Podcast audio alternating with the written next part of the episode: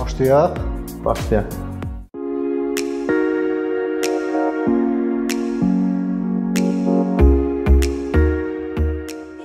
Texnologiya tərəfdaşı IT Pro Azərbaycan şirkətinin sponsorluğu ilə verilişimiz davam edir. Dəyərli izləyicilərimiz salam. Sizi Bizneskar kanalımızda salamlayırıq. Bizneskarın bugünkü qonağı Azərbaycan Sahibkarlar Milli Konfederasiyasının menecment komissiyasının sədri, Abad Publik şəxsin xidmət sahələri və satışın təşkili departamentinin rəhbəri, təlimçi, biznes konsultant Camid Məhsumovdur. Camid bəy, xoş gəlmisiniz. Xoş gördük Səfər bəy. Təşəkkür edirəm dəvətiniz üçün. Camid bəy, bizim izləyicilər üçün bir məlumat verərdiniz, sizi tanıyarlar. Camid Mövsümov kimdir? Qısa ifadə eləsək, Camid Mövsümov biznes inkişaf üzrə ekspert və ə, biznes təlimçidir. Həm də bir dönəm müəllimliklə məşğul olmuş bir müəllim deyə bilərik, biznes trener deyə bilərik. Qısaca belə ifadə edə bilərik.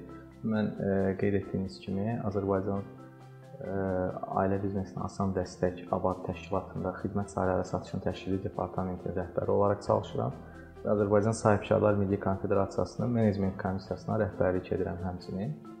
Həmçinin ə, Türkiyə və Azərbaycanda fəaliyyət göstərən Yo Personal Konsultant markasının da layihəsinin ə, həm təsisçisiyəm. Orada da Azərbaycan bankları ilə Türkiyə bankları arasında bir sinerji yaratmağa çalışırıq. Beynəlxalq təşkilatlarda təlimçi kimi fəaliyyət göstərirəm və arada sırada yazıçılıq fəaliyyətimiz olur qısaca. Camid bəy, ə, Abad dediniz. Bir də bu hər yerdə səslənir, Abad hamı eşidir, amma bu Abad nə təşkilatdır? Bu nə işlə məşğul olur? Həm də sizin rolunuz nədir konkret orada? Abad ə, vətəndaşlara xidmət sosial innovasiyalar üzrə Dövlət Agentliyinin tərkibində fəaliyyət göstərən publik hüquqi şəxsdir. Açıqlaması ailə biznesinə asan dəstək. Məqsədimiz Azərbaycanda sıfırdan, bizim sloqanımız da bundan ibarətdir, ideyadan rəflərə, sıfırdan insanlara bizneslərin qurulmasında dəstək olmaq, onların satış, marketinq, brendinq, logistika, hüquq, maliyyə kimi xidmətlər göstərərək onların bir biznesmenə, vergi ödəyicinə çevrilməsinə yardımçı olmaqdır. Son hədəfimiz, iki ana hədəfimiz var bizim qarşımızda duran. Bir e, ixrac etməkdir. Azərbaycan məhsullarının Made in Azərbaycan brendi altında ixracının yaratmaq, yəni Made in Azərbaycan brendləri yaratmaq. İkinci ana hədəfimiz isə Azərbaycan bazarına, iqtisadiyyatımıza vergi ödəyiciləri təşkil etmək ki, o insanlar o qədər böyüsünlər ki, artıq özləri sərbəst fəaliyyət göstərə bilsinlər. Yəni biz müəyyən müddətə qədər onlara dəstək olmağa çalışırıq. İki istiqamətimiz var qida məhsullarının istehsalı və satışı və e, bizim bir istiqamətimiz də tətbiqi xalq sənətkarlığı sahəsidir. Yeni sahəmiz də planlaşdırılıb. Bu da xidmət sahələri ilə bağlıdır. Növbəti ildən artıq bununla bağlı da aktiv addımlar atmağı planlaşdırırıq. Biz Abadın e, layihələrini görürük. Yəni həqiqətən e, çox layihələri var. Hətta belə deyim, biz Şəkidə olanda Xan Sarayında belə bir layihələri var idi. Onu gördük. Bu səhvlərimsə Mir Teymur bəyin yəni əl işləridir, hamısı yəni burdan da ona buradan salamlarımızı göndəririk. Həqiqətən hörmət etdiyimiz bir şəxslərdən biridir. Orda biz gördük ki, həqiqətən gözəl bir abadın təbii ki, dəstəyi ilə gözəl bir iş yararlıbdır. Bunu gələcəkdə bölgələrdə də yaratmaq planlaşdırılırmı? Əslində e, Abad bir hub formalaşdırır. Orda Azərbaycan sənətkarlarını cəmləşdirib və orada onlar öz əl işləri ilə müasir Azərbaycanda keramika sənətini yaşadılar. Şəki Keramika Mərkəzimizin vasitəsilə və həmçinin qədim türk e, simgələrini, nişanələrini orada bizim əl işlərində əks olunur. Bu da bizim bir tariximizi yaşatmaq deməkdir. Həmçinin Şəkidə biz e, keçən illərdə simpozium təşkil elədik. Dünya keramistlərini orada cəmləşdirmişdik və dünya keramistləri orada öz əl işlərini təqdim eləmişdilər, gəlib orada məşğul olmuşlar. Bəli, gələcəkdə bir çox ideyalarımız var. Bunun hamısı ə, e, qismən maddiyyata da bağlıdır. Yəni təbii ə, e, nə qədər ə, e, maddi imkan geniş olsa, planlamalar da bir o qədər geniş olur. İnşallah Düşünək ki, Qarabağ bölgəmizdə azad olunub. Növbəti abadlarımızı Qarabağımızda görərik. İnşallah. Orada da sənətkarlarımız bilirsiniz ki, Qarabağın sənətkarlığı, Qarabağın istər qida məhsulları, Qarabağla bağlı bir çox addımlar ata bilərik və inşallah atacağıq da. İnşallah. Cənab bəy, belə bir şey deyim, əgər Abad dediniz ki, ailələrə köməklik eləyir. Məsəl üçün, əgər bir hər hansı bir şəxs müəyyən bir suvenir düzəldə bilər və yaxud da nəsə bir şey düzəldə bilər ki, onu bazara çıxmaq istəyir, sadəcə olaraq belə deyək, dəstək lazımdır. Yəni tam dəstəyi Abad göstərir onun bazara çıxmağına və digər hüquqi məsələlərdə mən düz başa düşdüm sizi. Bəli, biz sıfırdan biznesmenə dəstək oluruq. Yəni bayaq da qeyd etdim, ideyadan rəflərə qədər. Yəni sıfırdan başlayaraq ta o rəfə çıxıb satış prosesi həyata keçənə qədər bu proses baş verir və satış həyata keçəndən sonra da həmin vəsait müvafiq abadçı biz adlandırırıq həmin insanları, abadla müqaviləsi olan insanları. Onlara müqavilə əsasında ödənişlərini hər ay həyata keçiririk. Satışa uyğun olaraq. Yəni ödənişi həyata keçirirsiniz deyəndə, yəni daima dəstək olunur bu, yoxsa sadəcə olaraq müəyyən bir müddət ayağa qalxana kimi? Müəyyən müddət dediyimiz bir anlayış deyil. Yəni məhfum necədir? Biz bunun satış prosesinə dəstək olmuş oluruq, satışına dəstək göstəririk. Hə, Məhsulları satıldıqca, bəli, bizim Abadın butik mağazalarımız var şəhərin fərqli nöqtələrində. Hə, görmüşük. Yəni. Qida məhsullarımızda biz supermarket şəbəkələri ilə əməkdaşlıq edirik. Oradan müvafiq bakaleya və stendlərimiz var. Onların vasitəçiliyi ilə biz bu satış prosesini həyata keçiririk, satış eləyirik və onun üzərindən oradan əldə olunan vəsait e, abadçılara köçürülür. Çox maraqlı oldu. Əslində bu ailə biznesi ilə belə məşğul olanlar həqiqətən abada müraciət edə bilər. Çox maraqlı layihələri var, layihələri var. İnşallah uğura razılıq sizə bu işlərə. Təşəkkür edirəm. Çox sağ olun. Sağ olun. Digər bir ə, qurum haqqında danışmaq istəyirəm. Sizdə bu sahibkarlar Milli Konfederasiyası var, səhv eləmirəmsə. Bu sırf nə işlə məşğuldur, nəyə ə, ə, yəni yaradılmasının məqsədi nə idi bunun? Azərbaycan Respublikası Sahibkarlar Milli Konfederasiyası adından göründüyü kimi Azərbaycan sahibkarlarını əhatə edən bir qurumdur. 6000 üzərində sahibkar cəmiyyəti və ə, mən orada menecment komissiyası tərəfindən baxıram, rəhbərlik edirəm.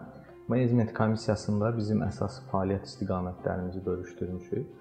Əsas hədəfimiz Azərbaycan bazarında peşəkar menecerlərin yetişdirilməsi, bazara menecerlərin təqdim olunması. Bununla bağlı inşallah hədəfimizdə bu ayın sonu və ya növbəti ayın əvvəlində belə bir planlamamız var. Yeni bir layihə çıxardırıq Azərbaycan bazarına, menecerlərin kvalifikasiya layihəsi. Layihə nə ilə bağlıdır? Azərbaycan menecerlərinin bir dərəcələndirmə sistemi qururuq və bu dərəcələndirmə sistemi vasitəsilə rəhbər şəxslər e, rahat şəkildə işçilərini inkişaf etdirə biləcəklər. Burada hansı yollardan istifadə olunur? Biz e, siz də deyil açıq deyə bilərəm. İstanbul Universiteti var Türkiyənin. Onlarla Türkiyənin bir çox e, digital, rəqəmsal dünyada fəaliyyət göstərən təşkilatları ilə əməkdaşlıqları artıq qurmuşuq və onların vasitəçiliyi ilə bizim menecerlərimiz, şöbə müdirlərimiz, aparıcı mütəxəssislər, departament direktorları bir üst səviyyəyə çıxmaq üçün müəyyən bilgilərə yiyələnməlidirlər. Bəzən özümüzdə öz əmək fəaliyyətimizdə də diqqət edirik ki, məsələn, yaxşı satış təmsilçisidir, ofisə dəvət edirsiniz, daha yüksək bir e, belə deyək, inkişaf etdirirsiniz vəzifəsinə, amma adam işin öhdəsindən gəlməməyə başlayır. Səbəb nədir? Çünki adamın analitik bacarıqlarında və ya nəsə boşluqlar olur yaxşı ha, satıcı ola bilər, amma yaxşı analitik qabiliyyəti olmur və ya idarəçiliyində müəyyən problemlər yaşana bilər ki, insanlarla konfliktə gedir. Artıq deməli bu adam idarə etməsində problemlər yaranır. Yəni siz onun e, yaxşı mütəxəssis olaraq dəyərləndirib bir pillə önə atdığınız zaman bu belə baş verməyəcək. Artıq kvalifikasiya layihəsi vasitəsilə insanlar, şirkətlər əməkdaşlarını rahat şəkildə kvalifikasiyaya yönəldəcəklər. Biz o əməkdaşlara analitik düşünmə, rəqəmsal, indiki dövrün ən böyük idarəetmə şəkillərindən biri olan Agile, digər vasitələr üzrə onları bütün hamısı ilə bilgiləndirəcəyik ki, doğru anda düzgün qərar qəbul etmə. Yəni bu insanlar bütün bu proseslərdən 3 ay müddətində keçəcəklər. Keçəndən sonra Azərbaycan Sahibkarlar Milli Konfederasiyasının, Türkiyənin İstanbul Universitetinin, müvafiq Türkiyə qurumlarının, özəl qurumlarının, digital akademiyalarının verdikləri, yəni təsdiq elətdikləri bir diplomdan təltif olunacaqlar. Və bu da onları gətirəcək artıq rəhbər qarşısına ki, bəli, mənim əməkdaşım bu e, sınaqlardan keçib, bu mərhələlərdən keçib. Fəaliyyətimizin bir tərəfi budur. Bir tərəfi inşallah planlaşdırırıq, universitetlərlə əməkdaşlıq eləmək istəyirik. Hətta bununla bağlı artıq ilkin danışıqlara başlamışıq. Komissiya olaraq biz istəyirik ki, universitet tələbələri üçün, menecer olmamış insanlar üçün, Azərbaycan sahibkarlarına uğur əldə etmiş insanları biz artıq e, universitetlərimizə, akademiyalarımıza axın etdirək. özünüzdən götürün, özünüzdən götürək. Biz necə bir dərs formatından keçmişik? Keçmiş dərs formatları necə idi? Müəllimlər auditoriyaya daxil oldular. 80-ci ilin dəftərlərini vərəqləyirdilər. Nə bilim, köhnə mazirələri deyirdilər və müasir biliklər hansı ki, eynən müasir bilgilərlə donatıla bilmirdi tələbə. Amma biz artıq ona faktiki bu işlə məşğul olan sahibkarı gətiririk onun auditoriyasına ki, o sahibkar ona deyir ki, sən bu sahədə öndə olmaq istəyirsənsə, bax bu addımları atmalısan. Bu mərhələlərdən keçməlisən. Bu formatları özünə uyğunlaşdırmalısan. Bax özünü bu sınaqlara hazır hiss etməlisən. Falan kurslardan keçməlisən. Sənin ingilis dilin bu səviyyədə olmalıdır ki, əgər xariclə əlaqədar bu fəaliyyətləri planlaşdırırsansa, ilk növbədə onu deyim ki, heç nə üçün gec deyil. Bəzi insanlar hətta yaşı ilə bağlı deyir ki, mənim artıq yaşım ötüb. Bu 1-2 gün bundan qabaq bir dostumla danışırdım. Deyir, mənim artıq yaşım ötüb, bir 30 yaşım var. 30 yaş bitmir. Yəni sən 30 yaşında belə karyeranı sıfırdan qurub yenidən başlaya bilərsən. Hər şeyə sıfırdan başlaya bilərsən. Özümdən götürürəm. Elə baxanda 70 yaşında, yəni nəyəsə mənə. Eynən. Mən KFC-dən götürsən məsələn. 15 il bank sektorunda işləmişəm, 15 ilə yaxın. 15 ilin tamamında sektorumu dəyişmişəm. Bir növ sıfırdan başlamışam. Qida sektoruna keçid eləmişəm. Heç vaxt peşman olmamışam. Hər gün də nəsə yeni bir şey öyrənirəm, yeni bir şey kəşf edirəm, müəyyən çətinliklərlə qarşılaşırıq. O çətinlikləri aşmaq üçün həll yolları tapırıq. Bunun özü bir möhtəşəm bir şeydir. Yəni insan hər addımında, hər günündə, hər səhər gözünü açdığı anda nəyisə kəşf edib, nəyisə özünü inkişaf etdirməyə bacarmalıdır. Bunu ediriksə irəli gedəcək, ya etmiriksə yerimizdə dayanacaq. Proses belədir. Belə bir məsələ var. İndi ə, Sizin bu təşkilat, təşkilat bu deyirsiniz ki, məsəl üçün kurslar təşkil edir, belə kvalifikasiyanı artırmağa köməklik edəcək.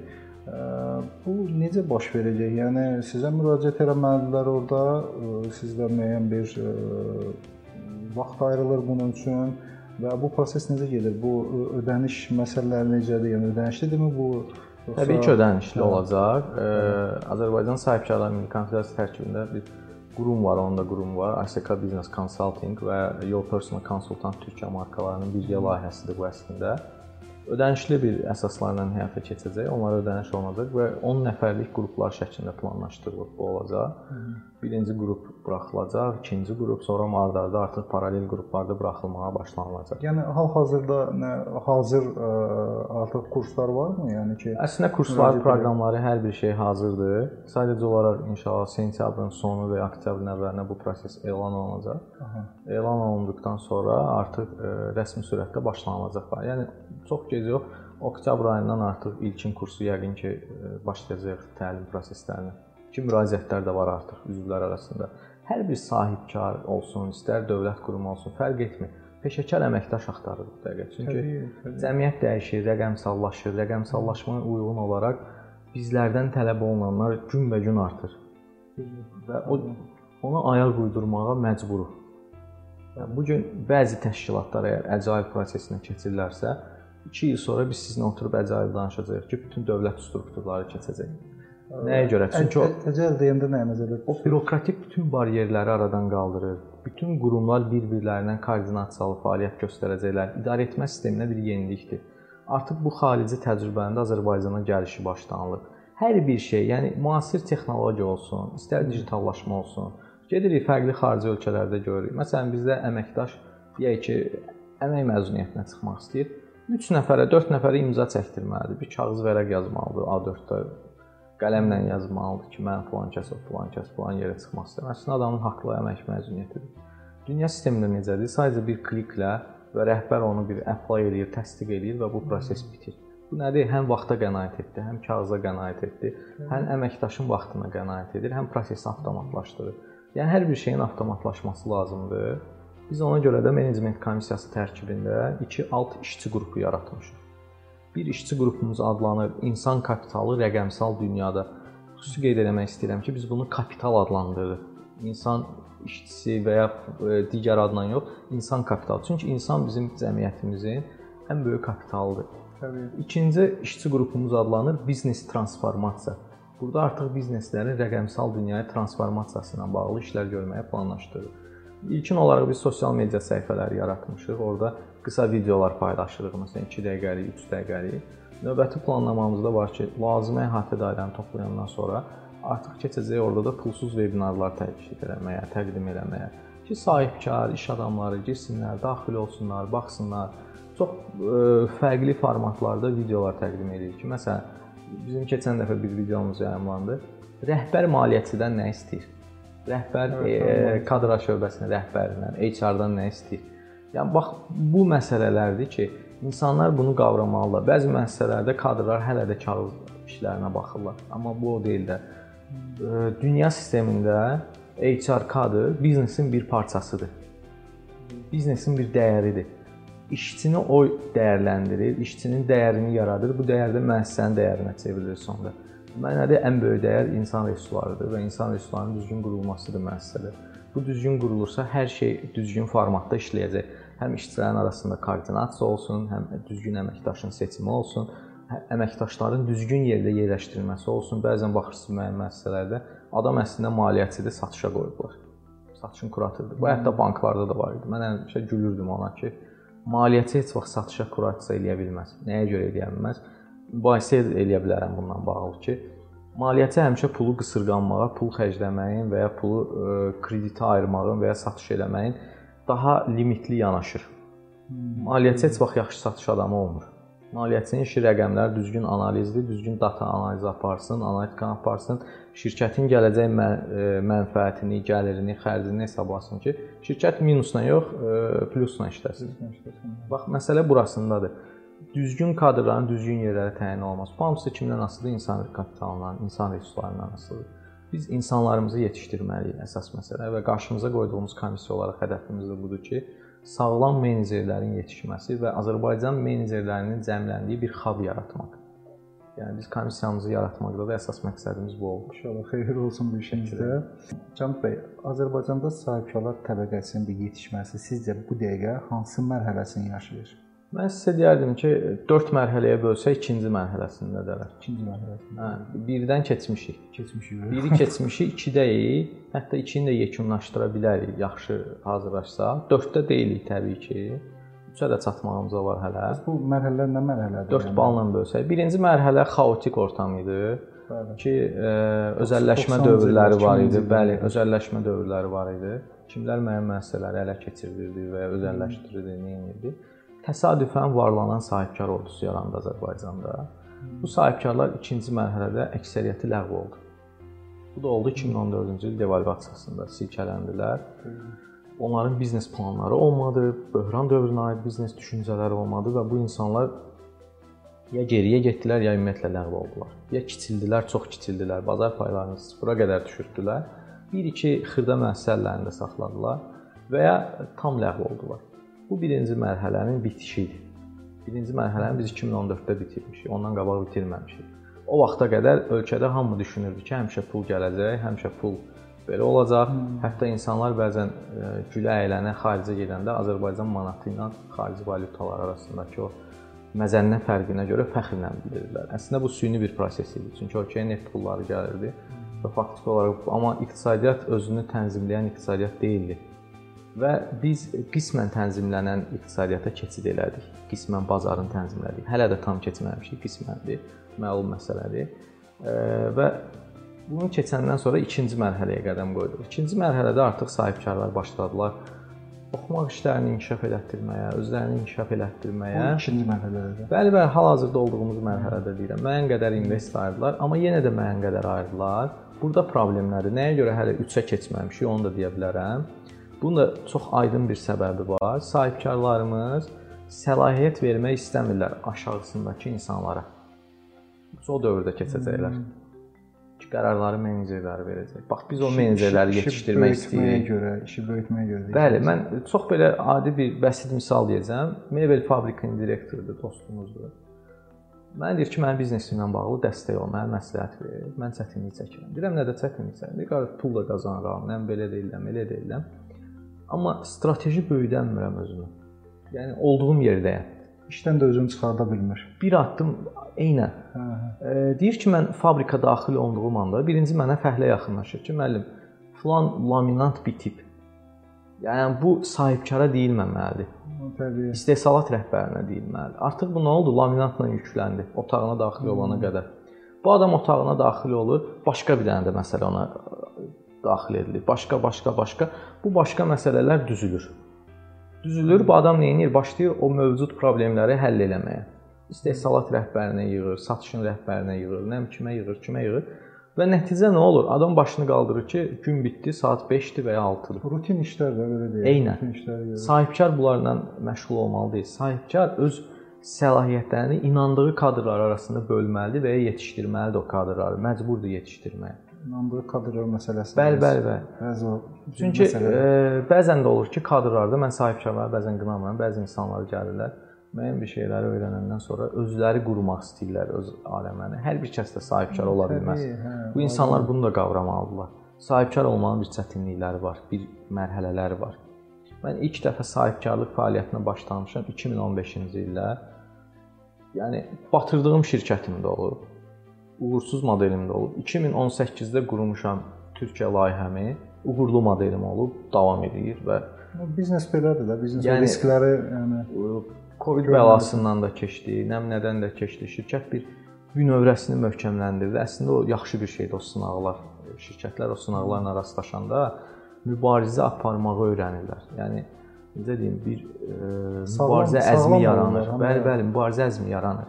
Qazandığı pulun dəyərini bilməyə başlayır və başlayır daha 1 il sonrasını düşünməyə. Və hər bir şeyin mən 1 ilin bütün planlamasını eləyim, xərclərini ayrım qoyum qıraqda ki, birdən 1 il ölkədə nəsə çətinlik olar, 1 il nəsə dünyada nəsə baş verər, 2 il nəsə baş verər, 3 il, 5 il nəsə baş verər. Artıq bu bunu topladığı və bunu bölüşdüyü anda bu şirkət heç vaxt ləğv olunmur, əksinə inkişaf eləyir. Hər bir böhranın, hər bir çətin dövrün növbəti mərhələsi sıçrayışdır. Eynən bax bu gün Covid bəlası var, bütün şirkətlər aşağı gedib. Bunun bir sıçrayış mərhələsi olacaq. Bu dövrdə sağlam duran, bu dövrdə mövqeyini qoruyan, Dura bilən. bəli, deyək. bu dövrdə fəaliyyətini quran və bundan öncə bunu planlaşdırıb ki, nəsə ola biləri planlaşdıran şirkətlər bundan sonrakı dövrdə böyük bir artım gözləyir o şirkətləri. Onlar bazarda böyük pay sahibi olacaqlar. Bax sağlamlıq budur. Böhranda necə oldu? Devalvasiyada da eyni cür oldu. Bir çox yeni sahibkarlar yarandı, yeni insanlar yarandı, yeni bizneslər yarandı, yeni baxışlar yarandı. Məsələn, onlayn satışlar, onlayn platformalar heç bu qədər inkişaf eləməmişdi. Covid nə etdi? Bunu inkişaf elətdirdi. Yəni hər bir pis bir şeyin bir yaxşı tərəfi var. Bir yaxşı məqam var. O yaxşını görsən, sən inkişaf eləyəcəksən. Yəni yeni yeni imkanlar deyək də, yeni Eynən. imkanlar yaradır. Can bəy, b- siz ə, deməli Türkiyədə dediniz hansı ə, nəsə qurum yaratmısınız? Bəli. Hə, qurum. O qurumun ə, yəni funksiyası nədir? Nə işlə məşğul olur qurum? Həm təsisçiyəm, Türkiyə Cümhuriyyəti ərazisində fəaliyyət göstərir. Yo personal konsultant adlanır. Yox, personal konsultant. Bu nədir? Sizin şəxsi konsultantınız. Ə, Və orada bizim fəaliyyət istiqamətimiz nə olub? İlk addımımız ondan ibarət olub ki, Azərbaycan bankları ilə Türkiyə bankları arasında bir sinerji yaratmaq, təcrübə mübadiləsi proqramları edirik. Azərbaycan bankirləri, Azərbaycan bank sferasında çalışan şəxslər Türkiyə səfərlərini təşkil edirik. Türkiyə banklarında müvafiq aidiyyatı departamentlərdə, aidiyyatı şöbələrdə təcrübə mübadiləsi proqramlarından Hə, Necə keçirlər. işləyirlər də? O bir Eynən təcrübələrini bölüşürlər. Bir-birindən təcrübə mübadiləsi Yəni. Türkiyədən də bura gəlirlər. Türkiyədən də bura dəvət eləyirik. Burada bizdə ə, əməkdaşlara təhsis edir. Bizim məsəl üçün bir proqramımız var, filial müdirlərinin inkişafı proqramı, bank filial müdirlərinin inkişafı proqramı. Proqram uzun müddətə əhatə eləyir və bir neçə mərhələdən ibarətdir. Birinci mərhələsi var. ə, Filial müdirləri bura gəlirlər. Buradakı filial müdirləri test olunurlar, analiz olunurlar. Növbəti mərhələ bizim filial müdirləri ora gedirlər. Orada ərazilərə çıxırlar türk filial müdirləri ilə bərabər o filialını necə idarə edir və sonda bizim filial müdiri haqqında bir rəy verilir və banka aidiyyatı banka təqdim olunur ki, qardaş bax sənin bankında bu filial müdirinin strateji düşünməsində problem var. Bu filial müdirinin satış qabiliyyətində problem var. Digər filial müdirinin maliyyə hesabatlıq sistemində problem var. Bu istiqamətlərdə bu insanları təlimləndirməlisiniz və gücləndirməlisiniz ki, o öz boşluqlarını aradan qaldırsın və mükəmməl bir filial müdiri obrazı yaransın. Və ya bizim Orada mentoring proqramlarımız var ki, mentoring nədir? Mentorlar gətiririk, xüsusi mentorlar dəvət edirik. Bu mentorlar vasitəsilə deyək ki, hər hansı bir şəxsdir, bu ə, idarə heyətinə təyin olunur bankın. Yaxşı departament direktoru idi. Məsələn, IT sahəsi üzrə departament direktoru idi. yaxşı IT mütəxəssisidir, amma bunun kuratsiyasına verilir artıq idarəyyətin olduğu anda 3 dənə sahə. Bu 2 dənə sahəni də bilmir, mütəxəssisi deyil. Onun mütəxəssis olmasına ehtiyacı da yoxdur əslində. O idarəçidir, menecerdir, top menecer hesab olunur. Bu adam nə etməlidir? Bu adam inkişaf eləməlidir. İdarə etməli, reportinqi, hesabatlığı bilməlidir. Necə hesabatlıq tələb eləyəcək? Hansı məqamlara diqqət eləməlidir? 3 fərqli sahəni necə idarə etməlidir? Biz bunun üçün nə edirik? Türkiyədən eyni istiqamətdə, məsələn, idarə heyəti sədri, sədr müavini istiqamətində mentoru dəvət eləyirik. 4 modul və ya 6 modul şəklində olur. Bir həftə o gəlir burada qalır. Bir həftə bizim idarə heyəti üzvü gedir, orada qalır və bunun əsasında bu mentorluq proqramı aparılır. Bu təcrübə var artıq Azərbaycanda da tətbiq edilmişik. Türkiyədə də var artıq bu təcrübə və onların arasında gizlilik müqaviləsi bağlanılır. Heç bir halda biz onların adlarını açıqlamırıq ki, kimdir bu, bura cəlb olunan, hansı Aynen. bankın nümayəndəsidir, nədir. Bu e, konfidensiallığı qoruyuruq. Çünki Türkiyənin bank rəhbəri gəlir burdakının proqram təminatını görür, bizimki gedir ordakının proqram təminat rəqəmləri görür. Ona görə də o məlumatlar qətiyyən paylaşılmır, sırf konfidensial saxlanılır. Bu e, çox özünü doğrultmuş bir modeldir. Bizim mən hətta deyərdim ki, ən uğurlu bir layihəmiz elə mentorluq layihəsi olub. Hal-hazırda işləyir də. Bəli, bəli, bu da işləyir. Təcrübə barəsi proqramlarımız ümumiyyətlə çoxdur. Yəni fərqli sahələrdən, fərqli departamentlər, banklar.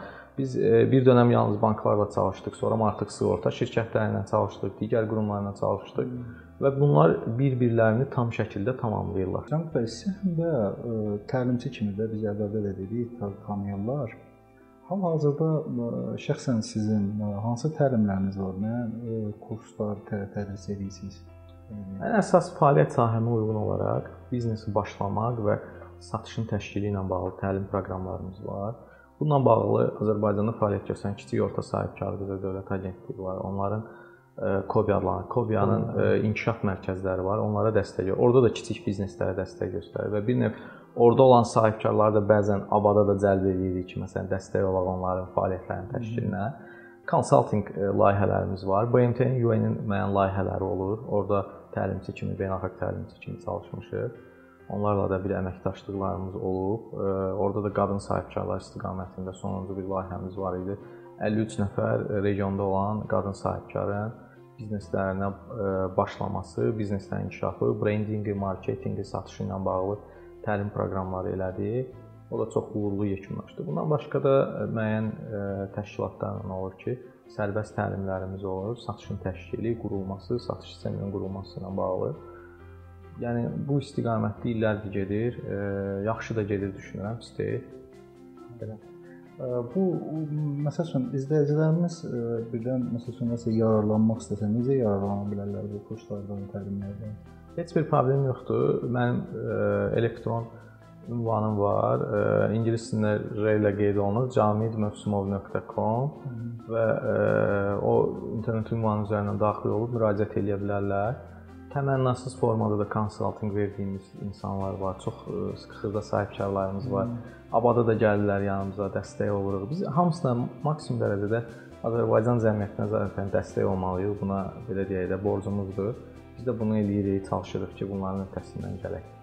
Dostlar, qeyd edim ki, linkləri videonun aşağısında yerləşdiririk. Yəni daxil olub tanış ola bilərsiniz. Başqa bir məsələ siz orada qadın sahibkarların bölgələrdə qadın Bəli. sahibkarların inkişafı ilə bağlı məsələləri qeyd elədiniz. Biz bilirik ki, Bakıda artıq qadın sahibkarlar görmək olur. Tez çox görürsən. Yəni bu hə Amma rayonlarda bu proses çox ləng gedir proses. Yəni siz indi hal-hazırda necə fikirləşirsiniz? İndi hansı səviyyədədir indi bu? Mən deməzdim ləng gedir. Əksinə rayonlarda həvəslənmə var. Aha. Sadəcə olaraq bizim burada dövlət təşkilatları olaraq da müəyyən bir dəstəyimiz olmalıdır. İstər müvafiq nazirliklərimiz olsun, istər dövlət qurumları olsun. Onların bilirsiz nəyə ehtiyacları var? Mən sizə deyim. Bizdə korporativləşmə problemi var regionlarda. Məsəl üçün beynəlxalq təşkilatlar var, müəyyən beynəlxalq təşkilatlar.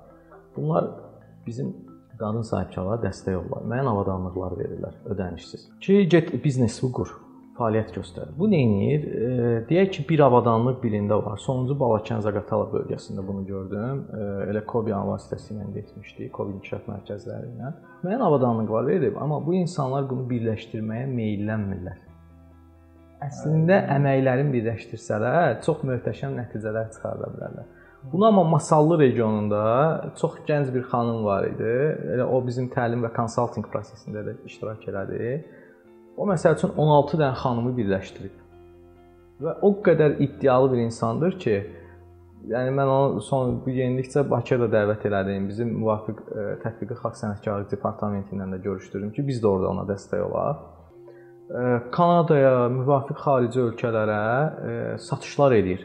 Ortalama 170 üzəri satış edir. Nə edirlər? Corab toxuyurlar, müəyyən şeylər toxuyurlar. Toxucuları birləşdirib, bir 10 nəfər, 16 nəfər əməklərini birləşdirib. Bu cavan qızdır.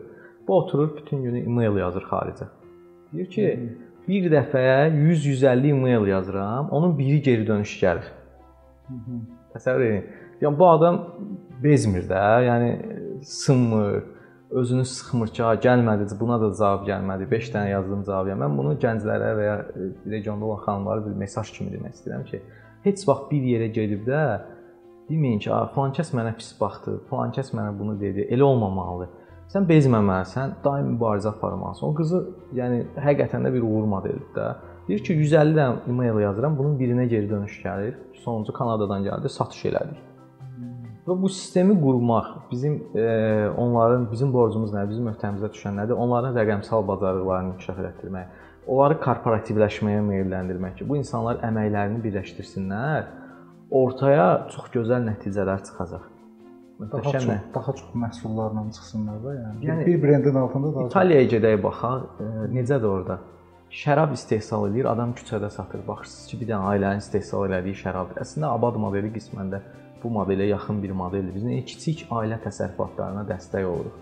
Eyni qaydada, yəni ölkənin iqtisadiyyatın özəyi, mən buna həmişə deyirəm, mikro biznesdir. Ölkədə mikro biznes inkişaf eləsə, o ölkədə nə işsizlik olmaz, işsiz kimdir? Mikro sahədə çalışan insanlardır əksərən. Nə işsizlik olmaz, nə ehtiyac olmaz, nə oğurluq olmaz, nə soyğunçuluq olmaz, nə cinayət olmaz. Çünki insanlar maddi ehtiyaclarını ödəmədiyi təqdirdə insanlarda aqressivlik yaranır, fərqli hisslər yaranır və insanlar öz içlərindəki xislətlərini, acıqlarını cəmiyyətə yansıdırlar. Amma biz mikro biznesi inkişaf etdirdiyimiz təqdirdə o xislət olsa belə o insanın başı işinə qarışır və bu insan başlayır artıq cəmiyyət üçün faydalı bir şəxsə çevrilməyə. Yəni bizim şəxsən hədəfimiz olmalıdır ki, insanlar ə, e, hamısı iş yeri ilə təmin olunsunlar. Mən Çində təhsil almışam. Çində hamı işləyir. Mən orada işləməyən görmədim. Yəni səhər çıxır, hamı işlə məşğul. Nəyə görə? Çünki bilir ki, say çoxdur. Əhali say çoxdur. Bu adam işləməsə axşam evinə çörək apara bilməyəcək. Artıq bunun bu beynaltı algısı yaranır. Biz insanlarımız arasında birinci növbədə birlik yaratmalıyıq, korporativləşmə olmalıdır, real korporativləşmə olmalıdır. Əməklərini insanlarımız da o bariyerləri aşmalıdır, birgəliyə e, hədəf qoymalıdır ki, birgə bir layihə ortaya çıxardıq. Sizin video kameranız var, mənim fotokameram var.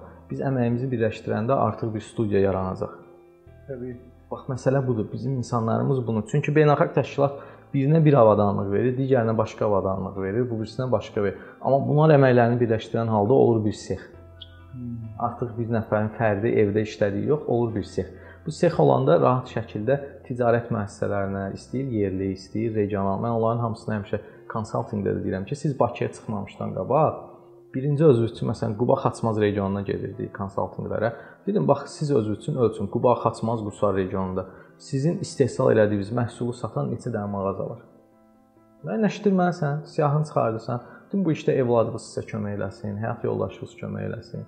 Bunlar bu siyahını çıxardılar, artıq başlayırlar onları bir-bir səfər eləməyə. Bir-bir səfər eləyir və məhsullarının satışını orada təşkil edir. Bu möhtəşəm nəticədir. Bax biz bunları təmin eləsək, o xanımların hərəsinin evinə 100 manat, 150 manat, 200 manat, 300 manat pul daxil olanda artıq ailə büdcəsinə bir dəstəkdir. Mənim üçün bu kifayət qədər yaxşı. Sizi inandırım, 150 manat qazanan insan o qədər xoşbəxtdir ki, orada. Təbii, təbii.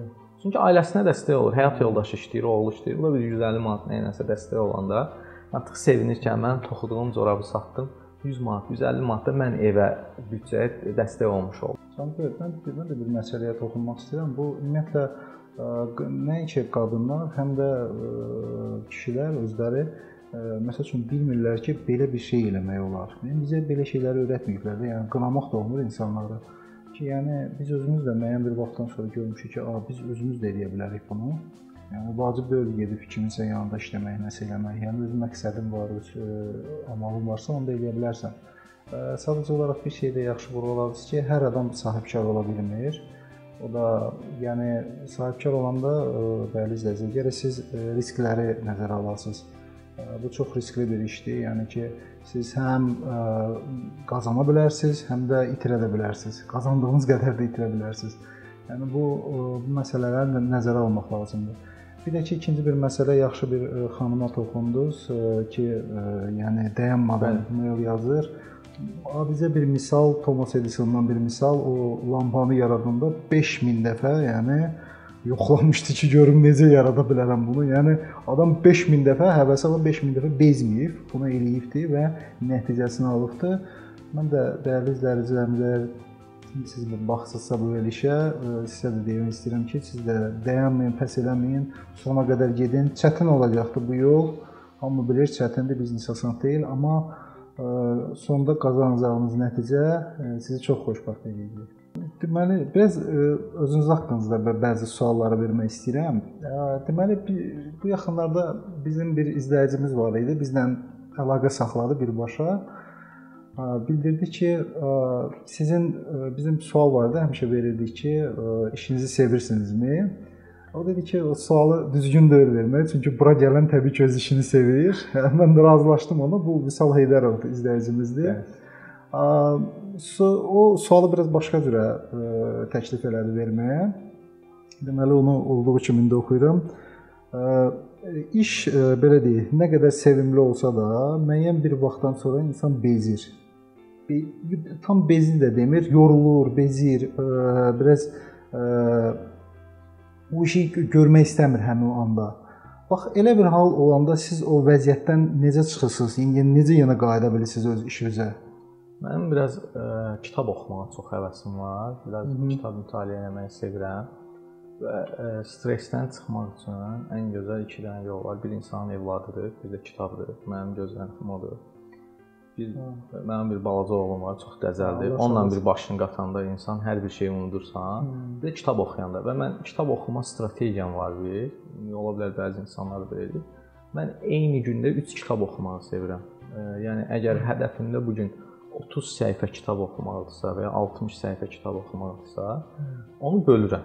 3 hissəyə bölürəm. Bir elmi kitab oxuyuram, özümə uyğun, bədii kitab oxuya bilərəm, fəlsəfi kitab oxuyuram. Və bu üçünü birləşdirəndə bu məni yormur və məni fərqli düşüncələrə aparır. Fəlsəfə məni düşündürür, elmi mənim biliklərimi artırır. Ədəbiyyat, yəni roman oxuyanda da mən biraz xəyal aləminə getmiş oluram. Və e, siz o bütün hər şeyi unudursunuz o anda. Yəni 3 dənə yeni hiss qəbul edirsiniz özünüz üçün. Bu sizin ruhunuzu qidalandırır. Yəni üç tərəfli qidalandırır. Bir var siz bədii ədəbiyyat oxuyanda ancaq necə deyim, bir xəyal aləminə gedə bilərsiniz, bir o ədəbiyyatın içinə daxil olur. Çünki elə yazarlar var ki, onun kitabını oxuyanda həqiqətən kitabın içinə daxil olmuş, özü orada bir hiss eləyirsən. Hmm. Çox möhtəşəm yazarlar var. Və eyni qaydada fəlsəfi kitab oxuyanda artıq sən başlayırsan düşünməyə, beynini işlədirsən ki, həqiqətən də bu söz çox dəyərli bir sözdür ki, məsələn, bunu deyirsə kimsə, bunun dərin bir alt mənaları var, dərin mənaları var və bu kifayət eləyir, yəni insanı o stressdən çıxartmağa. Ümumiyyətlə e, gənclərə də səslənirəm, heç vaxt vaxt itirməyə meylənməsinlər. Ki, məsəl üçün gedək hardasa vaxtımı öldürürəm. Vaxtımız limitlidir. Bunu birinci qəbul etməliyik.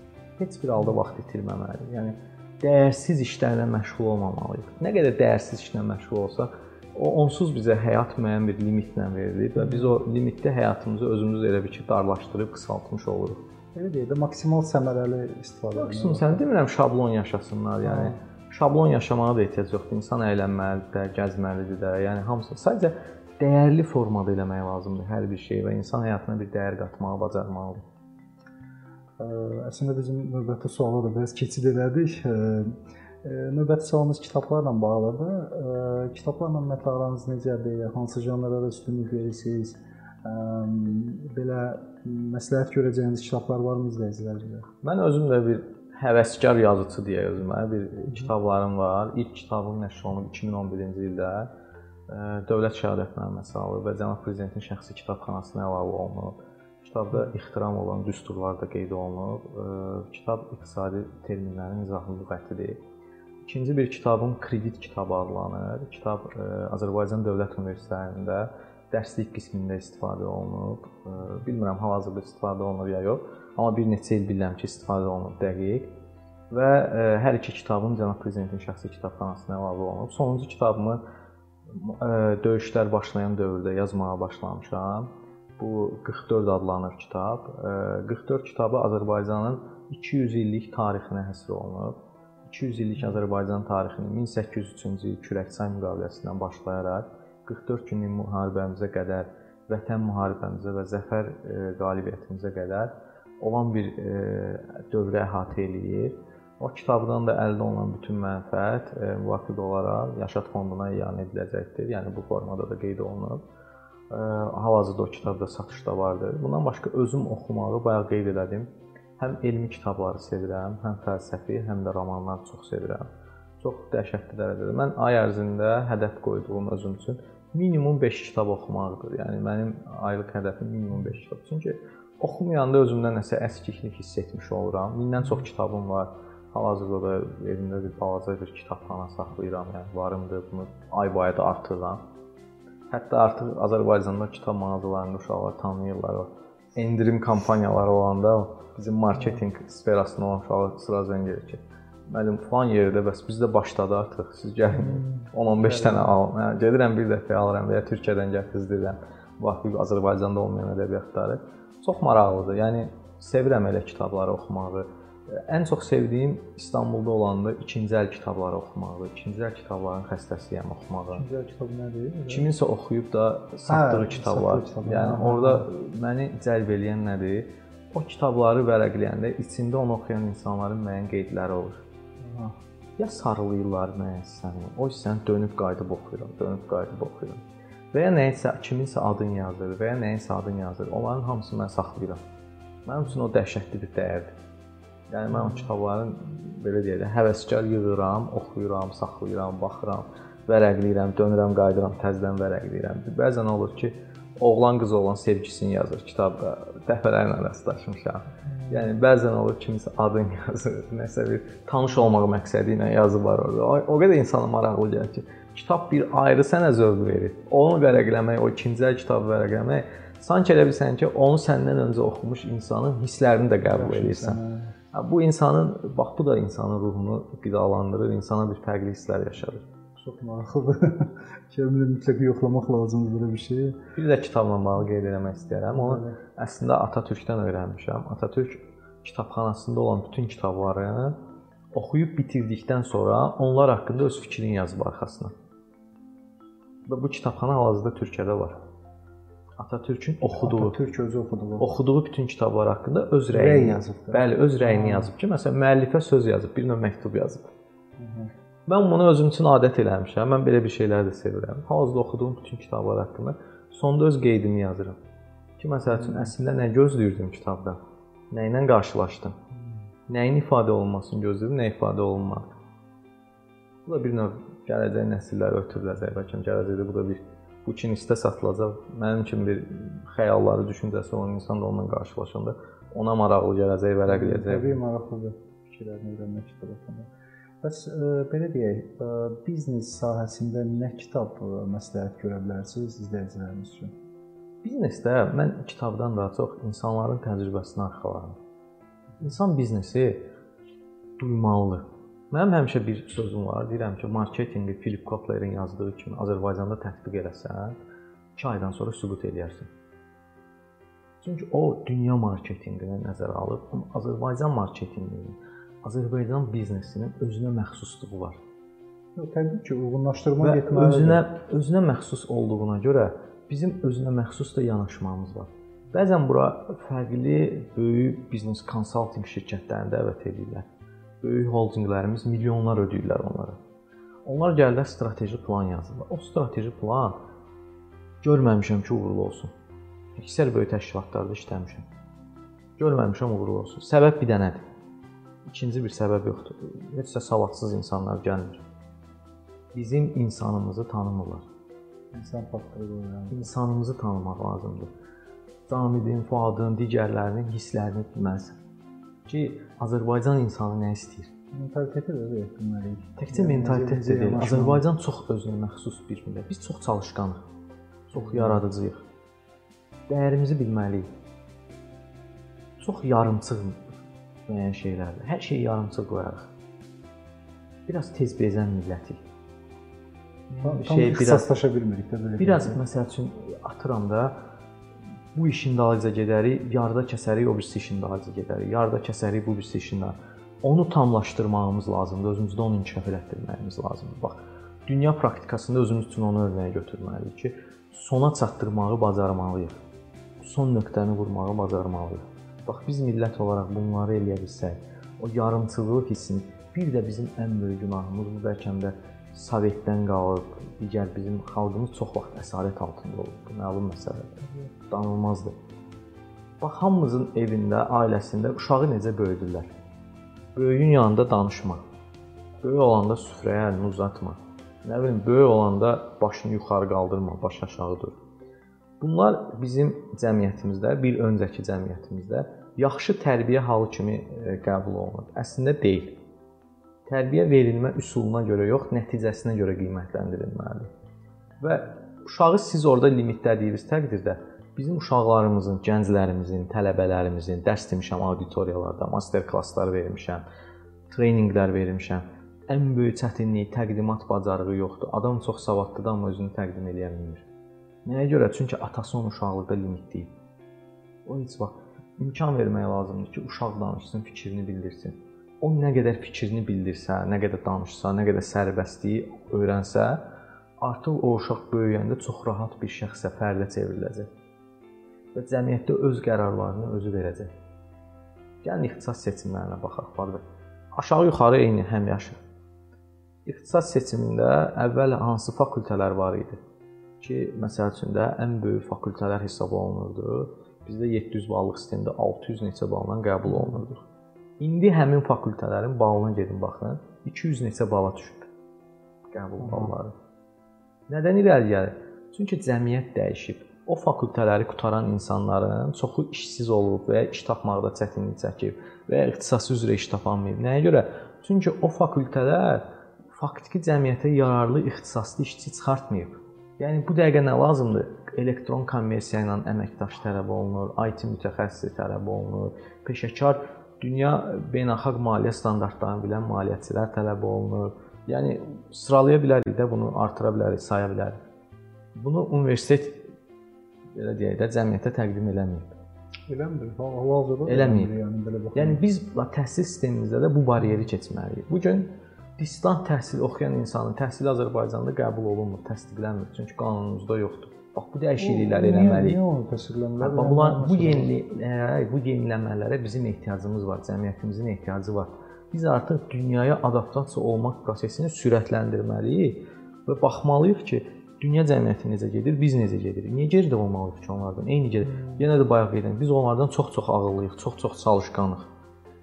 Mən bunu Azərbaycanlıyam deyə demirəm ha. Yəni həqiqətən getmişəm. Çində də deyirəm, bayaq da deyirəm, xaricdə təhsil aldım. Çin milləti özü deyir ki, bizim 95%imiz geri düşüncəliyik. Yəni biz öyrənmirik. 5%imiz cəmi bilir. Sadəcə əhali sayı çoxdur. O 5% dünyaya yetir. Amma Azərbaycan insanı elə deyil. Azərbaycan insanı çox təkamüllü, düşüncəli, yaradıcı, mədəniyyəti olan bir insandır. Yəni hansı ki, bizim qədim mədəniyyətimiz var, şeir mədəniyyətimiz var, nə bilim, kitab mədəniyyətimiz var, çox qədim bir tariximiz var. Yəni biz bu insanlarımızı bunları öyrəşdirib, bunları inkişaf elətdirə bilsək, dünya adaptasiya prosesini apara bilsək, çox gözəl insan və çox gözəl kütlə yetişdirə bilərik. Cənab bəy, bəs təhsil sistemində məsəl üçün bunu ə, görmürlərmi ki, yəni bu indiki dövr, indiki dövr nəinki Azərbaycanın özünün içində rəqabət lazımdır insanlar arasında. Bu dünya ilə rəqabətdir. Dünyada insanlar hansı ki yetişir, onlarla rəqabətdir. Yəni ə, təhsil sistemi indi hal-hazırda bunu görmürmü ki, belə bir şey var, problem var və buna qarşı nəsə bir şey eləmirmi indi? Düşünmürəm eləmir. Eləyirlər. Yeni sistem qurmağa çalışırlar, insanlar eləyirlər. Sadəcə olaraq daha sürətli eləməlidirlər. Daha sürətli keçid eləməliyik. Universitetlər özü-özünü maliyyələşdirməlidir. Dövlət büdcəsindən maliyyələşməli deyil. Və universitet o qazandığı pulu tələbəsindən qazanmalıdır. Tələbəsini ixrac edib qazanmalıdır. Mütəxəssis çıxartmalıdır çölə. Biz necə laboratoriyaları olmalıdır. Laboratoriyalardan orada mütəxəssislər çıxmalıdır ki, şirkətlər yalvara-yalvara götürməlidirlər ki, siz Allah bu mütəxəssisi mən cəlb edin. Hmm. Bax xaricdə belədir də, yəni mən Eynən. yəni Amerika, Avropa təcrübəsi bunu göstərir, belədir. Yəni biz buna çox sürətli keçməliyik. Bəzi universitetlərimizdə artıq bununla bağlı müəyyən addımlar atırlar, çalışırlar. Amma bu proses bütün universitetlərdə, bütün dövlət, özəl fərqi yoxdur. Çox aktiv aparılmalıdır. Cəmil bəy, indiki dövrdə, indi hal-hazırda da Azərbaycanda bizneslə məşğul olmaq necə fikirləşirsiniz? Çətindir yoxsa asandır? Belə deyək, bizim bir öncəki dövrümüzə baxsaq, e, çox çətin idi. Monopoliyalar var idi, çətinliklər var idi, süni maneələr var idi. Hal-hazırda sistem şəffaflaşıb. İstər vergi sistemi olsun, istər digər sistemlər olsun, 3 gün ərzində şirkət fikirləşmirəm ki, tam şəffaflaşıb, amma yəni Yox, bu nəsə eləyə eləməyə eləyiblər, böyük addım atıblar əslində. Çox böyük addımlar atılır. Siz bu gün Avropaya da baxsaz, dünyanın digər ölkələrinə baxsaz, fərq eləmir. Hər bir yerdə rüşvətxor da var, pis təbii, insan da var, fırıldaqçı insan da var. Bu elə deyil, ideal cəmiyyət olmur, heç vaxt olmayacaq. Sadəcə olaraq Azərbaycanın buna məramı məqsədi olmalıdır və bizim ali rəhbərliyimiz buna çalışır. Ali rəhbərlik çalışdığı təqdirdə artıq ondan aşağı kadrlar ona uyğunlaşmağa məcburdular. Əsas ən üstdən gəlir və ən üstdən bizdən ən düzgün addımlar atılır. Biz buna çalışırıq. Azərbaycanda biznesmen olmaq bu dəqiqə çox doğru addımdır. Mən sizə bir dənə xarici model deyəcəm. Hal-hazırda Yaponiya investorları Azərbaycana axın edirlər. Yaponlar öz strateji illik planlarında bir neçə ölkə seçiblər. Bu ölkələr üçün özlərinə kriteriyalar qoyublar. Təbii sərvətləri olmalıdır, müharibə problemi olmamalıdır. Bizim Qarabağ müharibəsini həll eləməyimiz bizi xarici investisiyaların cəlbində çox böyük addım önə atıb. Yəni xalqımızın torpaqlarımızı azad eləmişik, digər addımlar atmışıq. Bunlar bizim xalq olaraq qazancımızda, amma dövlət olaraq da burada çox böyük addım atmışıq, qazanmışıq. Mən xarici investisiyaların cəlbində işləmişəm bir öncəki dönəm banklarda olduğum zaman. Orada bizim qarşımıza 2 dənə problem çıxırdı ən çox xarici investisiya cəlb edən. Bir legal, hüquqi problem çıxırdı, bayaq qeyd elədim, qanuni problemlər. Qanunlar hamısı köhnə qanunlar idi və e, müasir sistemə uyğun deyil. İnvestor gələndə qorxurdu ki, mənim müdafiə eləməzlər, pulum batar, nə olar? İkinci e, bizim siyasi problemimiz idi. Çünki Qarabağ müharibəsi davam edirdi. Biz atəşkəs desək davam edirdi və investor qorxurdu ki, sabah bu ölkə müharibəyə daxil olduğu təqdirdə artıq e, mənim qoyduğum vəsait risk altına düşər. Artıq biz bu müharibə problemini həll eləmişik. Legalda da çalışırıq. Tam həll eləməsək də çalışırıq. Hüquqidə çox iş görməliyik hələ, amma çalışırıq bu istiqamətdə. Və e, biz bunun sayəsində nə edirik? Ölkəyə böyük investisiya və Yaponların o strateji xəttində e, müharibəsi yoxdur Azərbaycanın. İqlim qurşaqları var, təbii sərvətləri var Və yaponlar bura axın eləyib invest qoyur, çünki Yaponiyanın təbii ehtiyatları yoxdur. Burada istehsal olunan məhsulda özü almaq istəyir. Öz investisiyası ilə bu Koreya üçün də keçərlidir, bu Yaponiya üçün də keçərlidir. Hətta mən deyim ki, bizdə e, strukturlaşma prosesini düzgün qursaq, o icra hakimiyyəti strukturlaşması var ya. Mənim arzum olan bir icra hakimiyyəti strukturlaşması var. Bu Camidin arzusudanmı hələ ki. e, mən istəyirəm ki, hər bir icra hakimi biz görək cəmiyyət olaraq televizorda oturaq, efir qarşısına baxaq ki, icra hakimi biznes planını təqdim eləsin işə qəbul olunanda. Ki mən burada nələr edəcəm 2 aydan sonra, 3 aydan hmm. sonra və ondan sonra da onun hesabatlığı olsun ki, bu prinsipi belə baxanda o da bir belə baxanda, yəni belə götürsək, e, Yəni o da bir sahibkardır belə baxanda. O da bir menecerdir, təyin olunub. Eynən, sən bunu eləməlisən sən. Və bu insan ora investisiya cəlb eləmək öhdəliyi olmalıdır. İnvestisiya cəlb eləməlidir. Dünyada Özbəkistan ciddi sürətdə istehsal müəssisələri cəlb edir, işçi qüvvəsi ucuz olduğuna görə. Orda istehsalatlar qurulur. Azərbaycana biz bunları gətirməliyik. İnsanlarımızın işsizlik oranı hər bir şeyi dövlət rəhbərliyindən yox, biz özəl insanlar olaraq, özəl sektor olaraq olsun, dövlətdə çalışan insanlar olaraq olsun, fərq eləmir. Hamımız əl-ələ verməliyik. Bayaq qeyd elədim xanımlarda. O bilgəlik, korporativlik yaranmalıdır. Eyni zamanda cəmiyyətdə də bu korporativlik yaranmalıdır, sinerji yaranmalıdır. Və biz bu investorları gətirdiyimiz təqdirdə iqtisadiyyatın ən gözəlliyi nədir? Sifariş əsasında istehsalat qurmaq. Real iqtisadiyyat budur. Bizdə necə idi? Bax, mən nəyə görə deyirəm ikinci mərhələdə, bayaq dedim qeyd elədim. Çünki biz hələ sifariş əsaslı istehsalat qurmuruq. Bu gün Azərbaycanda qurulan zavodların heç də hamısı öncədən müştəri tutmur.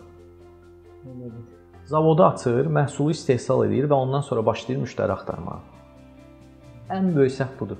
Mən 2-3 il bundan öncə bir türk investorla görüşdüm. Onlar Azərbaycana investisiya qoymaq istəyirlər. Onlar investisiya qoymamışdan öncə potensial müştərilərlə görüşürdülər.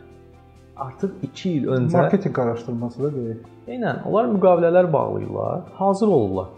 Və müəssisə fəaliyyətə başlayan andan o düyməsi basıldısa ki, fəaliyyətə başlasın, istehsalat prosesinə. O adam bilir ki, oradan çıxan məhsulu artıq satıb. Əslində Bax biz bunu qurmalıyıq. Rahat modeldir. E, sifariş əsasında istehsalat. Bizim ana hədəfimiz bu olmalıdır.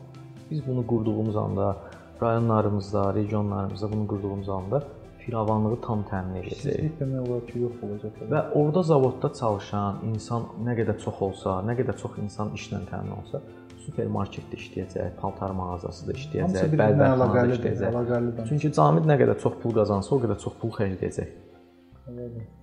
Tendensiyadır. Nə qədər çox pul qazansa, o qədər daha çox öz yaşayışına, zövqünə, nə bilim, gəzməyinə pul xərcləyəcək. Bax budur prinsip.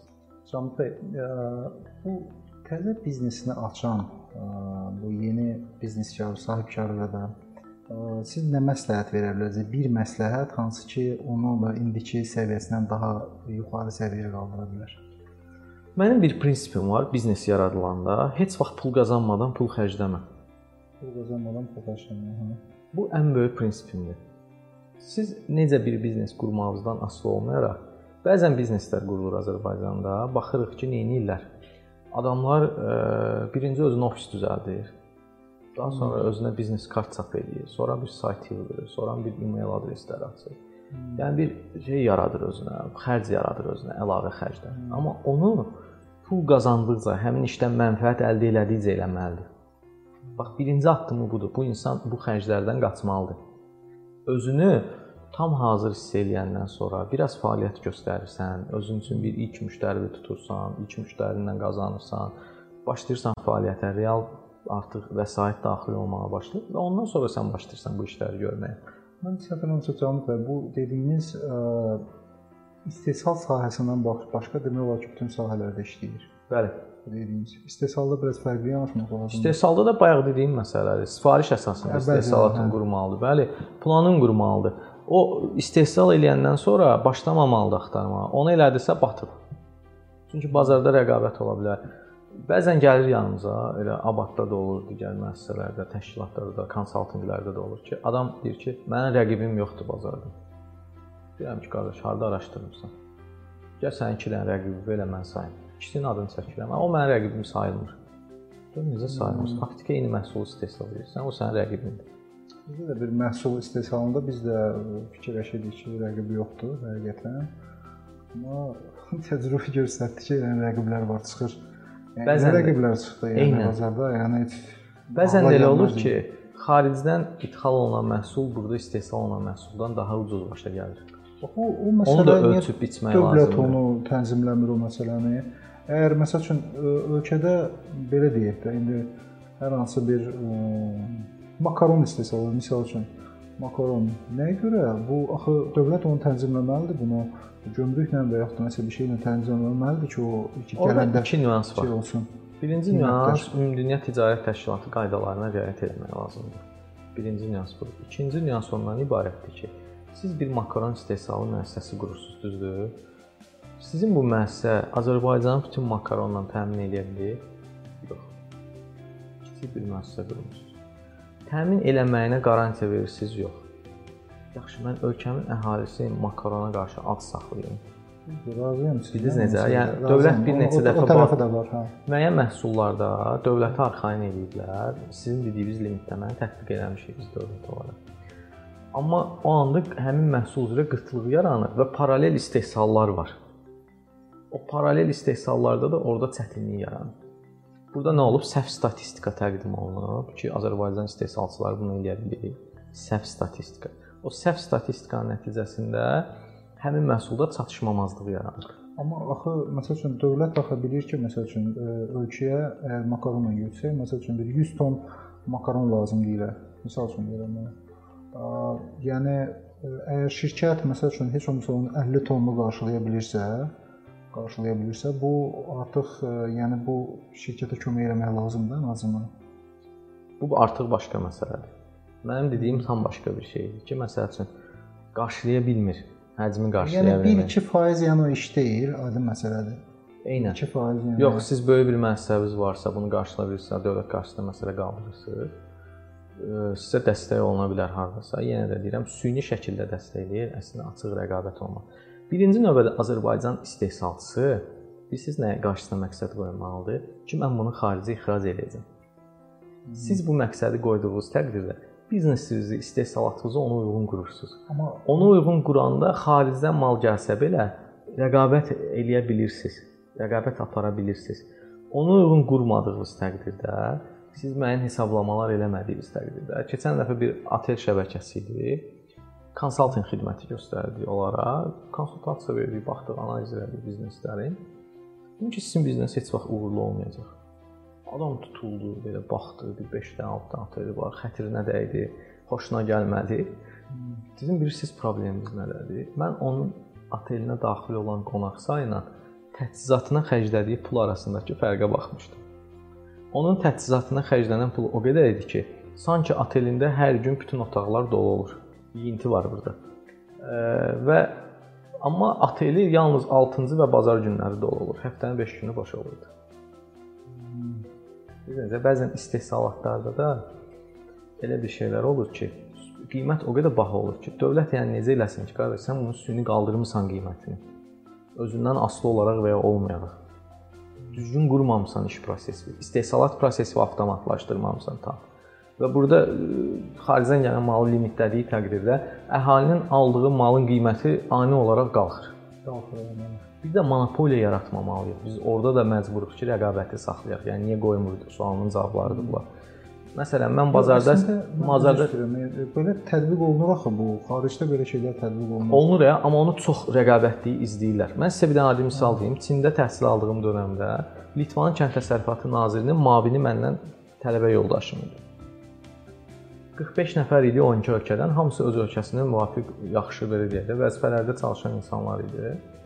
O mənə başladı suallar verməyə Svalya brendi ilə bağlı. Və dedi ki, sizin bazarda artıq Svalya monopoliyalaşıb tək Litva brendidir.